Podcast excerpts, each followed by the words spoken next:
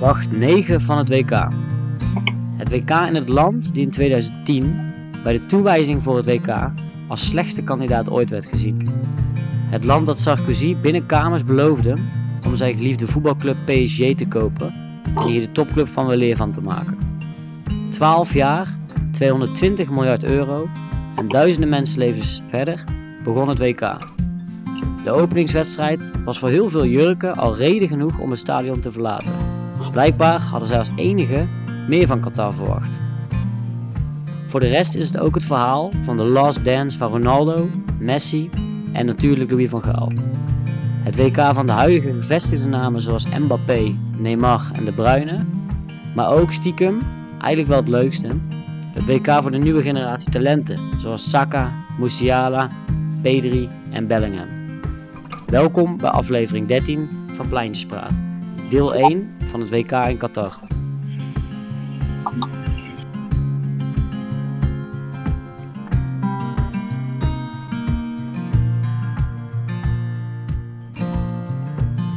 En welkom ook Mark. Eerste keer dat we het WK eigenlijk uh, gaan bespreken.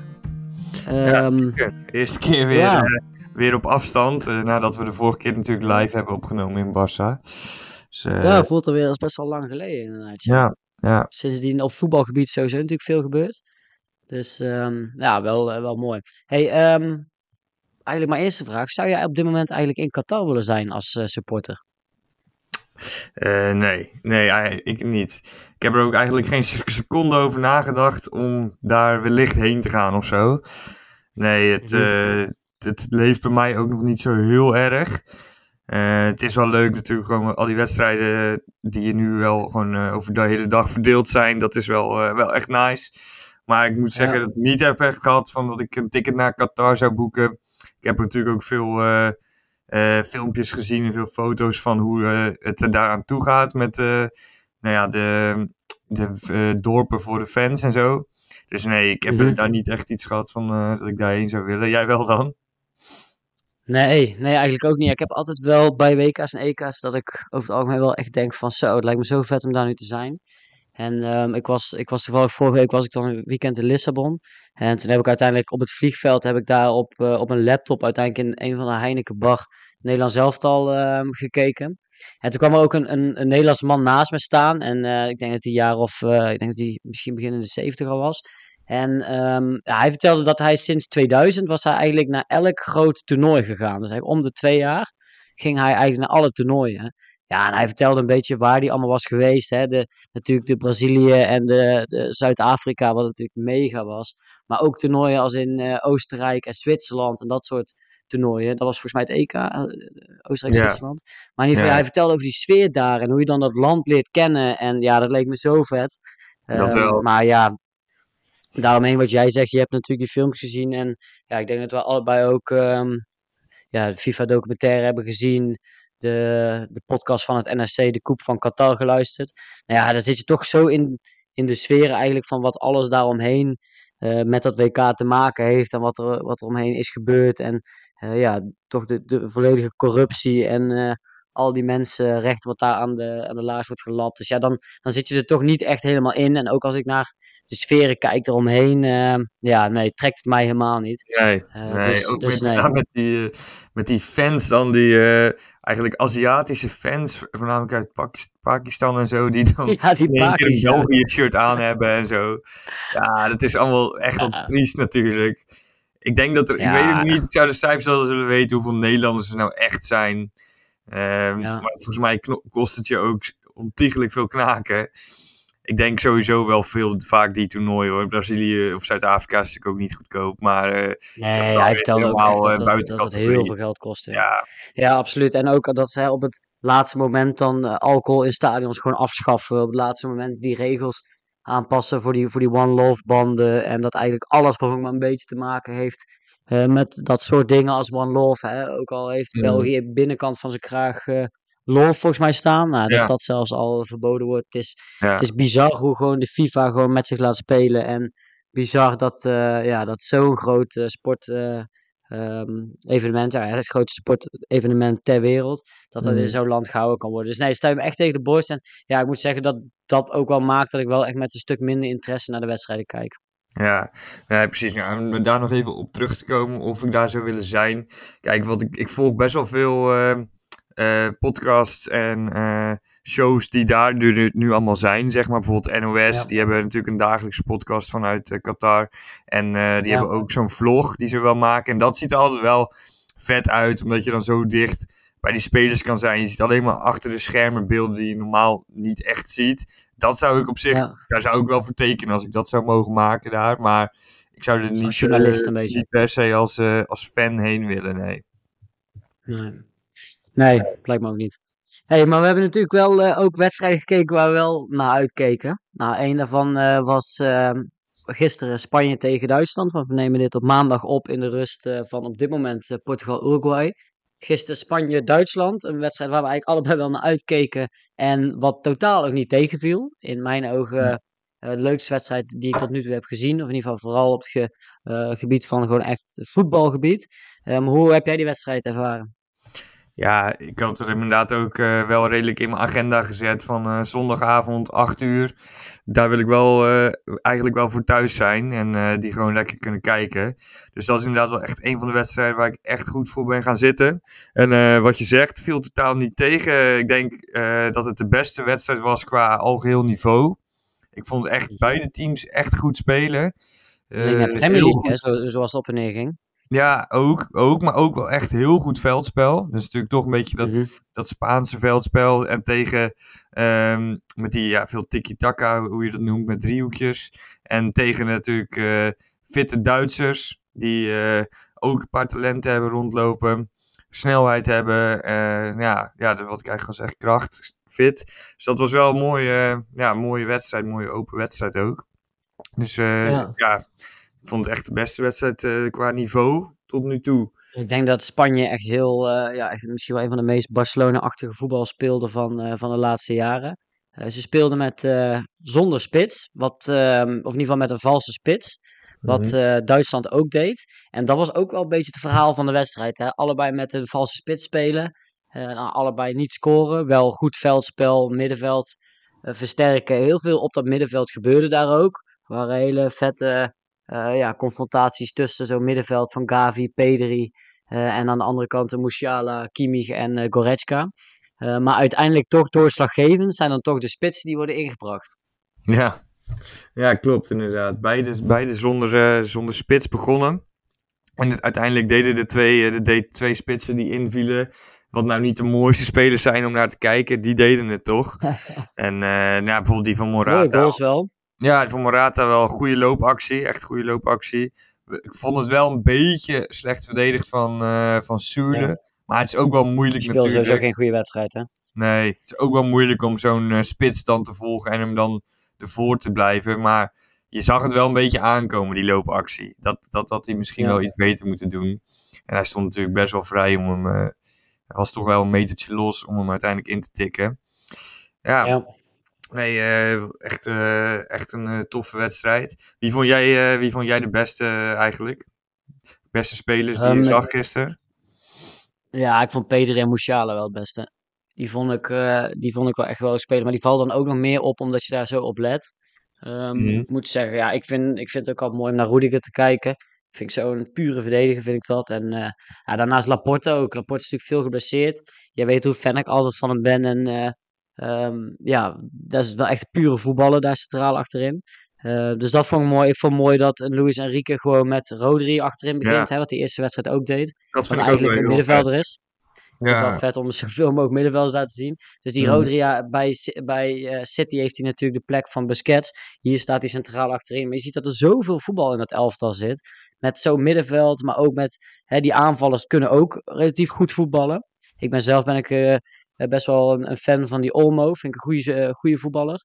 Hij heeft in de jeugd ja. van Barça zelf gezeten en speelt nu bij um, uh, Red Bull Leipzig. Leipzig. Ja, ja Leipzig. Ja, wel goed, maar ik vind hem niet echt een aanvaller eigenlijk. Vind jij wel? Ja, ik vind het wel echt een aanvaller. Ik vind hem ook best wel doelgericht. Zijn afstandsschot is goed. Ook dat ene geweldige afstandsschot in het begin die Neuer echt ook een zieke redding weer had. Dus ik vind het wel echt een aanval. Het is alleen niet een aanvaller die constant diep gaat. En dat is iets Nee. wat, eh, ja, wat je natuurlijk minder had. Alleen Ferran Torres heeft dat eh, wat. Nou, Ferran Torres vond ik relatief goed spelen. Maar hetzelfde probleem als wat hij heeft bij Barcelona is dat het gewoon geen killer is. Hij kwam een paar keer kwam die voor de goal, dat hij een paar keer overschiet. Ja, dus dat vind ik wel, eh, ja, dat zie je wel bij hem. Maar hij, hij is wel, hij trekt mannen met zich mee. Hij ziet goed de ruimtes. Hij kan en de diepte ingaan en hij is goed eh, als hij in de bal komt. Dus ik moet zeggen, ik vond eh, daarin ja, dat wel goed. Ik vond Asensio ook niet slecht spelen. Eh, vond ik ook wel relatief goed. Ehm, alleen je merkt dan toch uiteindelijk dat ze daar voorin een beetje het typische Spanje-probleem. Veel balbezit. maar uiteindelijk is het, ja, ko- komen ze toch tot relatief weinig doelkansen. Maar ik vond, ze, ik vond hun echt goed spelen. En daarnaast aan de kant van Duitsland ehm, ja, was ik niet echt heel erg onder de indruk van de rest van de verdediging naast Rudiger. Maar het middenveld is dan wel echt goed. En ehm, ja, in mijn ogen wat ik aan Duitsland kant een beetje vond, is dat ze ehm, met de invallers ook wel beter gingen Ja. voetballen. Ik vond eigenlijk dat de basis die ze hadden, vond ik nou echt niet de, de beste basis die ze kunnen neerzetten. Ik denk dat daar nog wel wat aan, eh, aan gaat veranderen. Aan die opstelling. Wat dan, Dat denk je? niet- Ja, ik denk dat die Keren er wel uitgaat, die rechtsback. Ja, Die wordt ook Ja. volgens mij wel, eh, allebei de wedstrijden is die ook gewisseld. Eh, ze zijn natuurlijk ook Sané aan het, eh, eigenlijk aan het op, eh, optrainen, zodat hij weer 90 minuten kan zo'n spelen. wisten ze wel, hè? Ja, dus die gaat uiteindelijk in de loop van het toernooi ook al in de basis komen, verwacht ik. En dan, ehm, ja, dus dit, dat, ik denk dat er wel wat gaat veranderen. Er wordt ook wel gesproken dat Kimmich heel misschien weer rechtsback gaat voetballen. Ah, hij zei dat hij Hm. dat wel weer wilde doen als het, eh, als het nodig is. Zo, en dan met Gundogan en Goretzka en Musiala middenveld bedoel je? Gala bijvoorbeeld op, als 10 dan, of als een van de Ja, twee dat zou ik sowieso doen. En dan kan, Ja. je, kan je natuurlijk Sané inbrengen. Met, en Ja. dan heb je of Müller of Havertz in de spits. En eh Gnabry aan de andere kant. Ik had wel van Zo. Gnabry iets meer verwacht. ja, ik had hem ook in Ja. al, mijn, al mijn voorspellingen, zeg maar, al die pools die ik had gemaakt, had ik hem als topscorer. Als één van de topscorers dan. Niet Ja, topscorer, maar moest je vaak een lijstje van drie ja. of vier opgeven. Bijna overal wat die, die viel wat tegen, ja. Ja, Ja, ik dacht eh, de laatste wedstrijd voor de. Volgens mij keken we die ook in Barcelona. Eh, we speelden Mhm. Bayern. Toen was hij heel goed. De laatste wedstrijd voor het WK. Toen eh, scoorde Ah, ja. hij er ook twee. Ik dacht, nou, die lijn trekt hij wel door. Maar dat viel, eh, viel een beetje tegen. Maar eh, Ja. ja, ik vond het ook wel. ehm, ja, wat je zegt, die namen die je noemt natuurlijk hartstikke goed spelen. En eh, ja, je had het al eerder gezegd. Hoe eh, Spanje voor de dag kwam. Echt een typische, echt een klassieke 4-3-3, hè? Of ja, wel met een eh, spits natuurlijk die, eh, die terug die inzakt. Maar je zag een, ik zag een plaatje op Twitter waar iedereen echt precies stond als op papier. Ja. In, als qua veldbezetting. precies in driehoekjes. Alleen maar, eh, alleen maar driehoekjes konden maken en de afstanden overal ongeveer gelijk waren. Tussen de linksbuiten Ja. en de centrale middenvelder en de linksback. Overal was precies driehoekjes te maken. Dat zag je ook wel in de wedstrijd goed terug, vond ik. Ze konden er eigenlijk En vaak ze ook onder die druk van Duitsland uitspelen, Ja. was ook al mooi. Duitsland zette hoog druk, zij ook redelijk. Eh, maar Duitsland staat echt wel kort op. Maar hoe ze daar soms tussenuit voetballen. Ja, hoe, hoe Ja. belangrijk ook zo'n Pedri daar weer in was. Ja, ik vond het zo vet om te zien. Eh, en die middenvelders, ja, wat, wat ik net eigenlijk al opnoem. eigenlijk Beide middenvelders zijn, zijn, zijn zo sterk. En daar lag zo die, die hele wedstrijd, speelde zich echt daar af. Dus ik vond, ja, echt een mooie wedstrijd, ja. Leuk man. Ja. Dat zijn in ieder geval twee ploegen. Ik was eigenlijk ook wel blij dat eh, Duitsland scoorde omdat ja, nu hebben ze natuurlijk nog echt oké kans gewoon om door te gaan. Eh, als ze Ja. allebei de laatste wedstrijd winnen, zijn ze volgens mij gewoon door. Eh, en dat zou wel Ja. mooi voor het toernooi zijn. Ik hoop niet dat wij ze treffen, maar Ja, je maakt het bruggetje eigenlijk al. of Dat, we, dat je hoopt dat we niemand, eh, niemand gaan treffen. Ja, op dit moment ziet het er inderdaad niet heel, heel rooskleurig uit voor Nederland. Ehm, ik zou er nog wel een beetje een kanttekening bij willen zetten dat het tegen twee teams is geweest die natuurlijk heel veel inzakken. Maar ja, het is inderdaad, het is nog niet echt om aan te zien. Maar eh, ik ben op zich wel benieuwd hoe ze het tegen zo'n eh, groot land gaan doen. Ik denk dat de opstelling van Nederland daar ook wel iets beter eh, bij past.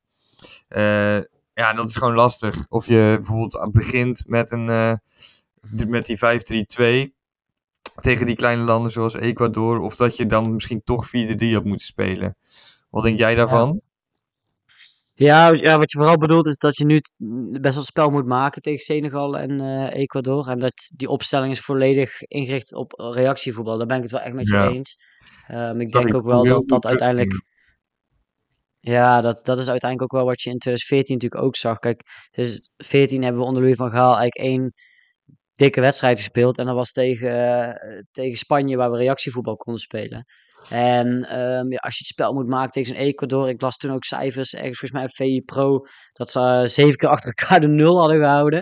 En Mhm. eh, dat soort zaken. Dus het was ook een hele taaie ehm, tegenstander. En dan merkte ook wel, nou Senegal natuurlijk ook, zakt ook heel erg in. En eh, zijn natuurlijk best allebei gewoon heel fysiek in de duels. Dus dat was echt wel een lastige opgave. Ik denk wat jij zegt, dat ze tegen grote landen wel wat beter zijn.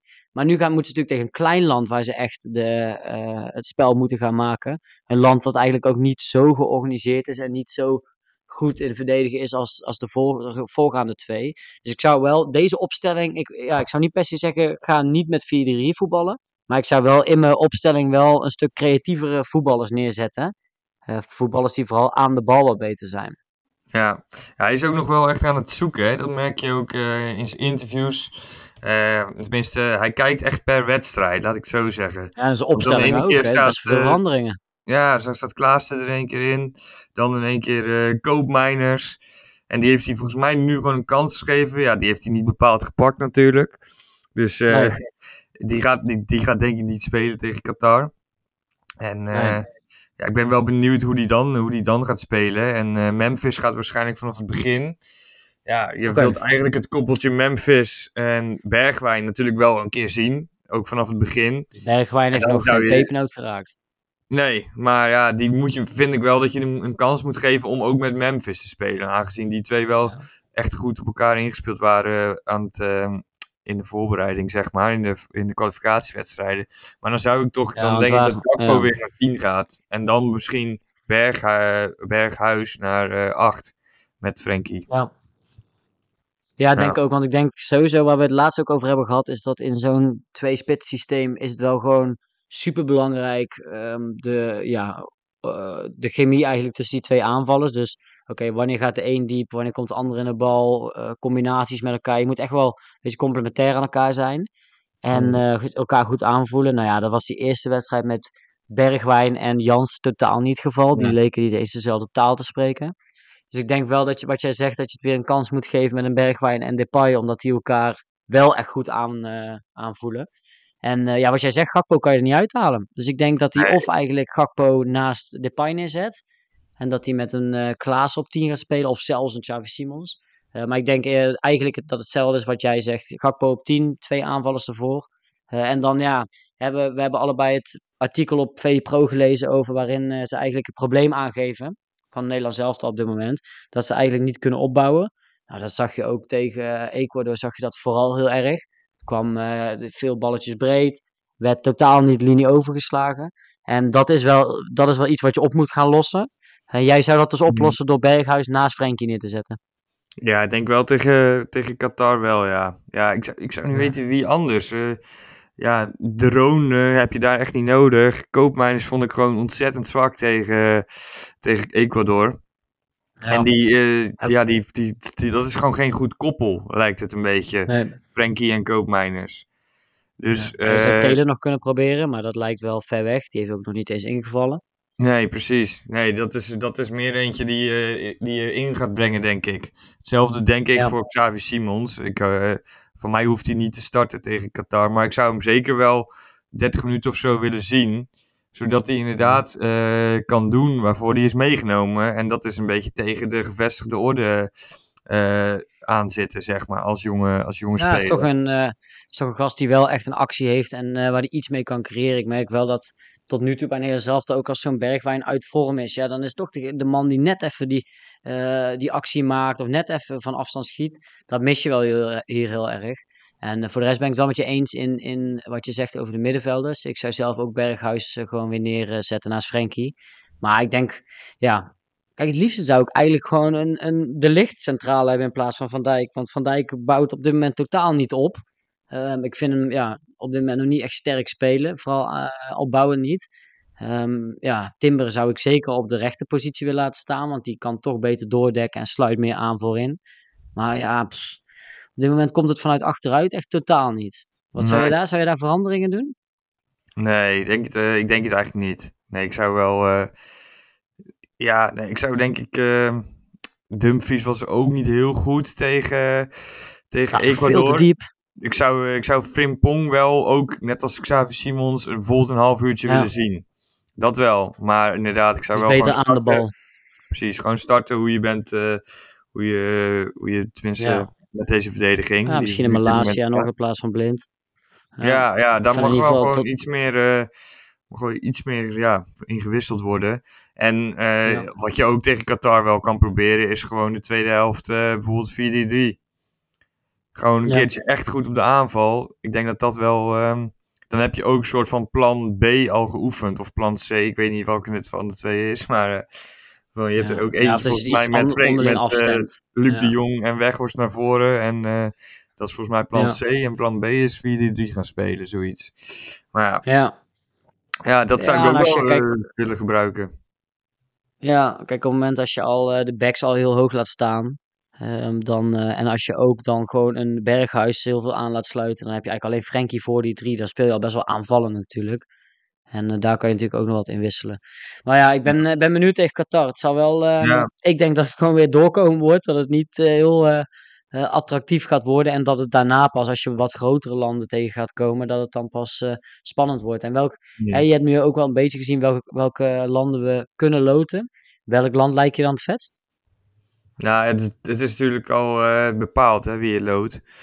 Dus eh, Mhm. in de volgende ronde krijg je de nummer 2 van Pool B.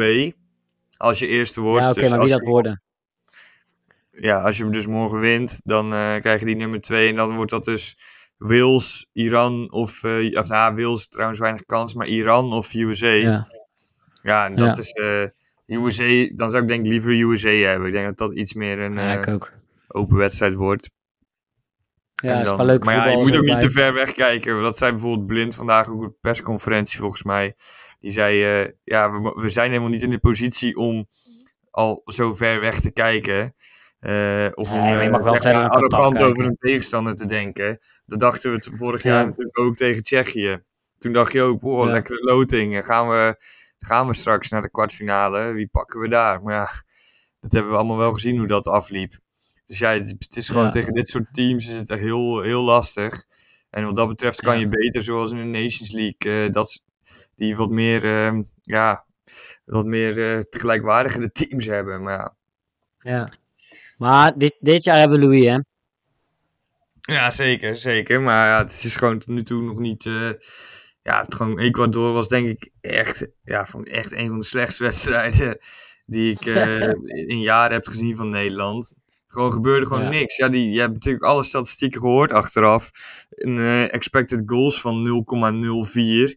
En eh, één schot. Eén schot, op, of twee schoten, waarvan één eh, Twee van schoten, ja. Gakpo en eentje van eh Koopmeiners die 20 Geen meter over. geen een van binnen de, binnen de 16 en zo. Ja, het was echt het was dramatisch. Er gebeurde Ja. niks, nee. Maar ja, laten we het in ieder geval, eh, laten we het geval aangezien. Maar wat het in ieder geval wel is, is dat we op dit moment totaal niet het gevoel hebben van, hé, we gaan heel ver komen dit, eh, dit WK. Want een aantal landen, of in ieder geval een aantal andere landen dan Nederland, die maken wel indruk. Eh, welke zijn het vooral voor jou om, eh, om maar eventjes te kijken? Ehm, ja, Spanje natuurlijk, hebben we al net al helemaal uitvoerig besproken. Ehm, Engeland in de eerste wedstrijd ook wel. En tegen VS hadden ze het gewoon eh, wat moeilijker. Maar ik vind dat wel echt een, eh, wel een heel goed team. Zit goed in elkaar. En dan verder eh, ja, Brazilië, Frankrijk. Eigenlijk een beetje gevestigde namen. Die, ja, dat zijn natuurlijk de twee die het echt misschien wel het beste doen. Brazilië en Frankrijk. Ja. Ja. Ja, Frankrijk is echt heel goed. Hè. Ik zag ze tegen Denemarken spelen, wat overigens ook echt een leuke eh, wedstrijd was. Denemarken zelf ook een leuk team. Eh, zat, zit goed in elkaar over het algemeen. Maar dat Frankrijk is zo sterk. En eh, we hadden het al eventjes kort over die verdediging. Ze hebben natuurlijk veel, eh, ehm, veel blessures. Maar ik denk dat blessures van een Kanté en een Pogba niet eens zo slecht uitkomen. Want Kanté is in mijn ogen echt wel wat over zijn top heen. En die Chouameni die speelt geweldig. En Ja. daarnaast ehm, ja, denk ik dat Pogba eh, op dit moment ook totaal niet nodig is en in dit Frankrijk past. Maar als je ziet wat zij aan verdediging neerzetten met een Koundé rechtsback, centraal Varane en Upamecano en linksback die Hernandez. Nou ja, zijn broertje valt uit Ja. en eh, er staat er gewoon nog zo eentje klaar. Nou, dat is Die ongekend. eigenlijk voetballend Dus ik vond- beter is. Die was echt Ja. goed. Allebei die Dat wedstrijden. is echt goed. Ja. Oh man. Dus ja, dus dat vind ik wel echt, eh, echt heel mooi. Ik vind het nog steeds jammer dat uiteindelijk een, een Rabiot speelt. Ik zie daar liever Kamavinga ehm, naast Ja. Chouameni. Maar dat wordt het, Maar, denk ik, eh, dan nee. wordt het middenveld iets te jong, denk ik. Ik denk dat, ja, de Champs is ook gewoon dat maakt niks uit. die dat, eh, die dat risico neemt. Maar ik denk dat die, die Rabiot gewoon echt een opdracht kan geven. En die voert hij uit, weet je wel. En Chouameni is natuurlijk ook echt, is al iets, eh, iets ouder dan eh Kamavinga. Ja, en die speelt Ja. gewoon mega goed. Heel het jaar natuurlijk bij, bij Real ook. Dus ja, die overtuigt wel echt. Zo. Maar klopt, Ja, op papier, eh, papier is Rabiot totaal geen leuke voetballer natuurlijk. Als je kijkt naar Nee. wat ze kunnen opstellen, maar ja. Maar het team zit goed in elkaar. En ik vind het ook vooral mooi dat ehm, nu een Griezmann speelt natuurlijk gewoon op 10. Waar je eigenlijk voorin gewoon... Je hebt, je hebt nu vier aanvallers. Terwijl zij speelden in het verleden onder, eh, onder de huidige trainer... speelden zij ook wel eens met twee aanvallers. Dan speelden Ja. zij 4-3-3 met Matuidi links, links, links buiten. van spreken. Was Ja, gewoon dus- dus ik vond altijd- middenvelder. Ja, dus ik vond eigenlijk altijd dat hij heel verdedigend speelde met een heel lijp elftal. Ja, nu speelt Mhm. hij eh, ja, gewoon echt wel aanvallend. Ja, En ja, dat zie je ook wel terug. En je ziet vooral het lijpen vind ik ook wel dat die Dembélé en die Mbappé heel breed staan. Waardoor Mhm. je ze eigenlijk best wel snel in de 1 tegen 1 krijgt. Kijk, en als jij een Mbappé hebt, maar je hebt aan de andere kant heb jij een iets minder snelle of een, of een iets minder technische voetballer. Ja, dan kan je best wel één kant een beetje rugdekking geven. Maar ja, als je dat hier doet en aan de andere kant staat het Dembélé in, eh, eh, in de 1 tegen 1 tegen je verdediger, dan is daar geen houden aan. Dus dat vind ik aan dit Frankrijk wel, wel zo lijp en zo, zo gevaarlijk. Dat ik echt denk dat zij, eh, dat zij ook het WK gaan winnen. Ja ah, dat, denk ik, dat denk ik zelf niet. Maar ik vind, eh, ik vind Frankrijk wel, wat je, ja, wat je zegt. Ik vind die rol van Griezmann heel vet. Echt, eh Ja. weet je, zo'n vrije nummer 10 is ook echt weer goed hoe we hem kennen. Dat is echt gewoon een paar jaar Ja. niet geweest. Maar eh, Hij levert diepteballen, hè? balletjes goed wegdraaien. Ja. Oh. En inderdaad, eh, ja, bijvoorbeeld inderdaad, Mbappé is natuurlijk is wel echt in vorm dit WK. Laat het wel echt even zien. Bijvoorbeeld tegen die Andersen van Denemarken. Ja, die, die wist echt niet waar hij het zoeken moest. Die, die heeft hij wel vijf keer of tien keer eh, helemaal dolgedraaid. Of op snelheid eh, langs. En dan viel die Ja, gast weer om en zo. En dat was echt, ja, die had echt een mega lastige middag. En, Hey, eh, maar jij zegt ja, Frankrijk niet. wie denk Nee. jij dan wel? Ja, ik, eh, ik zat vandaag, ja, vandaag naar Brazilië te kijken. En die heb ik voor, vorige week ook ja. Heb ik gezien. Heb ik ook eigenlijk in allemaal poeltjes van tevoren eh, als, eh, als topfavoriet eh, ingevuld. Maar ik zat er nog Mhm. eens over na te denken. En het is ja, voor mij echt, echt wel de favoriet. En dat heeft ook wel meerdere redenen. Natuurlijk allereerst, ik denk dat een heel groot gedeelte van de selectie zit op hun absolute topleeftijd. Dus denk aan zo'n Ja. Marquinhos, zelfs Casemiro ook nog wel, Neymar. Zijn allemaal net 30. Eh, Mhm. ja, dan hebben ze ook een paar hele ervaren gasten. Eh, zoals Thiago Silva, die gewoon nog speelt. Maar die speelt natuurlijk ook nog steeds in de Premier League. Hartstikke top. Dan hebben we dan lekker nog die Dani al Alves. sinds de 17e. Sinds de Ja. 17e speelt hij al op absoluut topniveau. Ja, precies. Dan heb je Dani Alves nog meegenomen voor de kleedkamer. Nou, die sfeer zit ook gewoon echt wel goed. En dan hebben ze natuurlijk een paar absolute toptalenten er ook nog bij. Gewoon denk aan Mhm. zo'n Vinicius. Ehm, ja, dat zijn, ja, dat, ik vind dat echt wel een eh, heel sterk elftal. Waarvan gewoon de hele, eh, ja, de hele selectie speelt in de absolute wereldtop. Dus rechtsback staat Ja. bijvoorbeeld Militao. Ja, die heeft vorig jaar een mega goed seizoen bij Real gedraaid, centraal. En dat, ik denk juist zo goed dat hij daar dan rechtsback speelt, zeg maar. Want dat kan hij ook wel. Speelde hij bij Porto Ja. in het verleden ook. Maar dat is juist, dat verwacht je niet van Brazilië. Het is niet zo'n mega frivol team. Maar wel, het zit wel heel goed in elkaar. Met goede ja, verdedigende middenvelders. Goede, dus goede back op rechtsback. Linksback is wel iets minder. Maar ja, en dan in de aanval hebben ze gewoon ehm, ook gewoon heel goed. Heel, een paar snelle gasten. Maar dan nog Richarlison doet het ook fantastisch. Dus Ja, ja, dan heb je, ja, wat je daar dat voorin wij, natuurlijk eh, kan wisselen is bizar. Je ja ik kan denk dat Jesus, alle ingrediënten Anthony hebben en. Rafinha inbrengen. dat is echt, slaat helemaal nergens op. Ja, het is alleen bij hun, ja, hun backs is echt wel een klein beetje. Die eerste wedstrijd speelde dan die Danilo, die vind ik wel slecht. Alexander vind ik ook niet zo goed. Middenveld Nee. vind ik die Paqueta wel echt goed spelen. Ehm, Mhm. en die eerste wedstrijd tegen Servië speelde die Paqueta eh, naast Casimiro. Eh, maar in, in deze wedstrijd zag ik net, eh, die wedstrijd van vanavond speelt dan een, een Fred speelt dan. Ja, dat, vind Ja. ik, dat vind ik nou niet echt spelers waar je echt mee aankomt. Maar over het algemeen, Nee. hè, vooral met een Neymar op 10 achter die aanval. En dan met Casemiro en Paqueta erachter, dat is wel heel lijp. Ja, En ehm, ja, zij, zij, zij zullen echt, als je bijvoorbeeld nu over nadenkt dat een Frankrijk tegen Brazilië in de WK-finale zou spelen. Ja, wat een wedstrijden zijn dat. Dus dat Ja. is wel, eh, ja, mooi man. Ja, ja leuk. zeker. Ja. Fred inderdaad. denk dat wij het vervangen vanaf gaan ronden. Neymar. Mooi, het grote contrast eh, kan bijna niet. Fred Zo. van Neymar. Ja, die komt natuurlijk ook weer terug, hè. Neymar. Ja, Als die weer een Ja. beetje die vorm krijgt eh, van PSG, die een tijdje heeft gehad op nummer 10. Als hij dat daarbij ja, bizar. bij eh, Brazilië weer gaat krijgen in die, in die knock-out fase. Ja, dat is echt, dat wordt echt een, een megateam. Dus ja, Zou mooi zijn als dan in de finale toch Dani. Alves even rechtsback speelt, hè? tja, ja. Mooi. We gaan het volgen en we zullen ergens, eh Nederland speelt natuurlijk morgen, dus zullen we ergens deze week eh, weer een, eh, een podcast opnemen. Ik ben erg benieuwd naar morgen. Ik ga gewoon thuis kijken, deze keer niet, niet ergens in een kroeg of iets. Jij? Ja, ja, ik heb helemaal pech. Ik moet gewoon werken. En ik heb Ja, ook echt ja. s'avonds ook iets van mijn werk. Dus ja, het wordt een beetje tussendoor gaan volgen. Maar ik ben eigenlijk gewoon, eigenlijk gewoon echt aan het werk tussen die... dat is wel heel kut. Livestreampje ja. aan, jongen. Ja, Lekker man. We zullen het zien. Hey, eh, ik spreek jou en eh, fijne avond nog. yes. Hoi. hoi.